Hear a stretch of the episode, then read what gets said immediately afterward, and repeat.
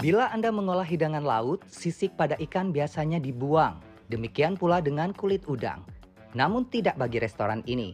Sisik ikan dan kulit udang diolah kembali menjadi menu baru. Praktik ini dikenal dengan istilah zero waste kitchen. Zero waste kitchen memanfaatkan semua bagian bahan makanan seoptimal mungkin hingga tidak ada yang terbuang, Zero Waste Kitchen digadang-gadang akan menjadi tren memasak pada masa mendatang. Konsep ini mulai diperkenalkan sejak 2016 oleh Asosiasi Nirlaba Food for Soul di Italia yang mendirikan komunitas berbasis gaya hidup zero waste. Beberapa tahun sebelumnya pada 2014, Douglas McMaster mendirikan restoran di Inggris dan mengklaim sebagai restoran berkonsep zero waste pertama di dunia. An ecosystem, there is no waste and everything is interconnected. Now, from that perspective, you can design a food system with the same ideology, the same uh, interconnected um, balance of that nature. And so, in a food system, what that looks like is regenerative agriculture, feeding a consumer, the consumer receiving that amazing produce um, in a vessel that can be returned again and again and again and again. Saya menyambangi restoran berkonsep zero waste pertama di Indonesia. Ornamen sandal jepit yang dikumpul dari pantai ini menyambut kedatangan saya. Karya seni itu sengaja diciptakan sebagai pengingat agar tidak membuang sampah ke laut. Chef Daril Wono Raharjo adalah orang yang mengembangkan konsep zero waste di Ijen sejak 2017. Zero Waste Kitchen plays a lot. Ada beberapa versi, ada beberapa interpretasinya juga. Alright. Cuman um, inti dari semua ini kita trying to limit what we throw out Hmm, and we control what goes in oke. and we control how dibuangnya Hmm. supaya tidak berakhir di landfill. Mengolah leftover food atau sisa makanan memerlukan riset berbulan-bulan hingga ia bisa mengkreasikan menu baru. Salad kentang ini misalnya. Enggak, kita buat dari sisik ikan. Uh, seperti apa? Bisa kita lihat. Boleh kita buka sedikit atau mau dicobain sedikit juga boleh. Oh bisa dimakan? Bisa dimakan dong. Bisa dimakan. Sisik ikan yang biasanya kita pasti buang. Korek, betul sekali. Ini sekarang saya makan sisik ikan. Oke. Crunchy ya. Crunchy, jadi dia elemen teksturnya di dish potato salad actually.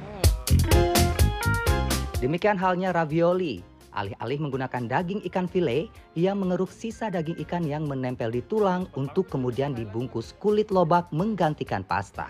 Kalau orang bilang, aduh hemat banget, ya memang begitulah. Ya kan? Prosesnya. Kita mau memaksimalkan. Heeh. Betul. Ah, saya boleh bantu nggak, Chef? Boleh, boleh Wah, dicoba. Ya kan? Seperti apa sih juga penasaran rasanya Ah. harus di... Sedikit ditekan. Oh, Iya. ditekan. Oke. Oh.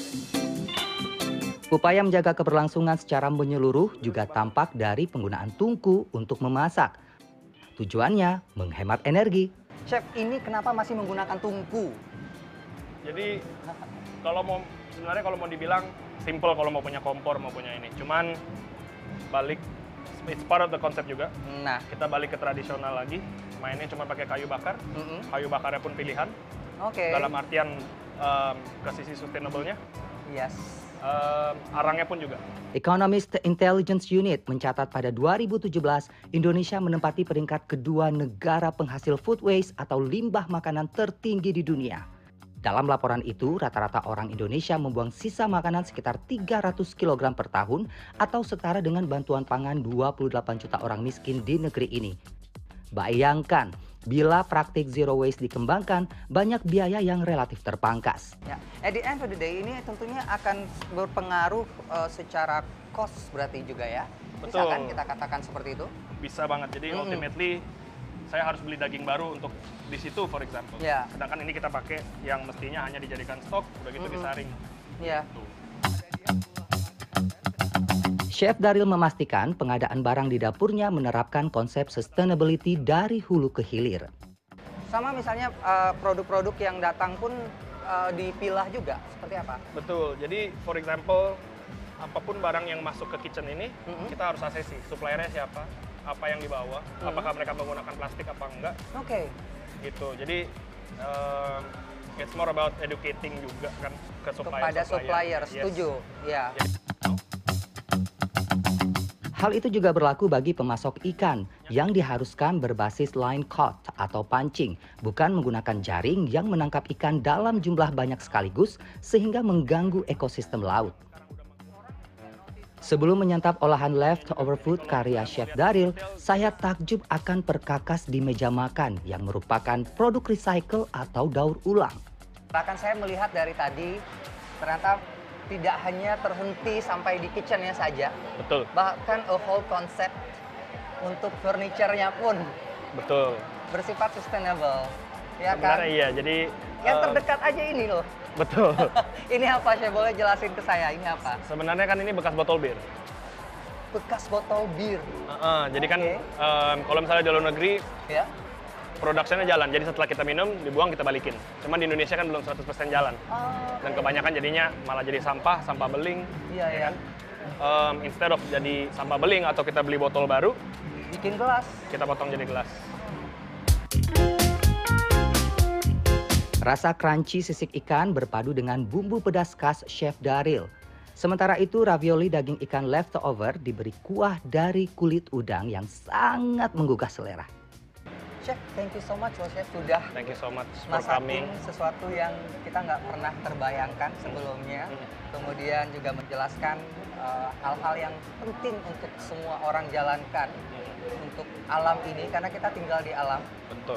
ya kan? Kita Mhm. sudah ambil semua dari alam, kita kembalikan jangan dalam bentuk Time to sampah give back ya. ya.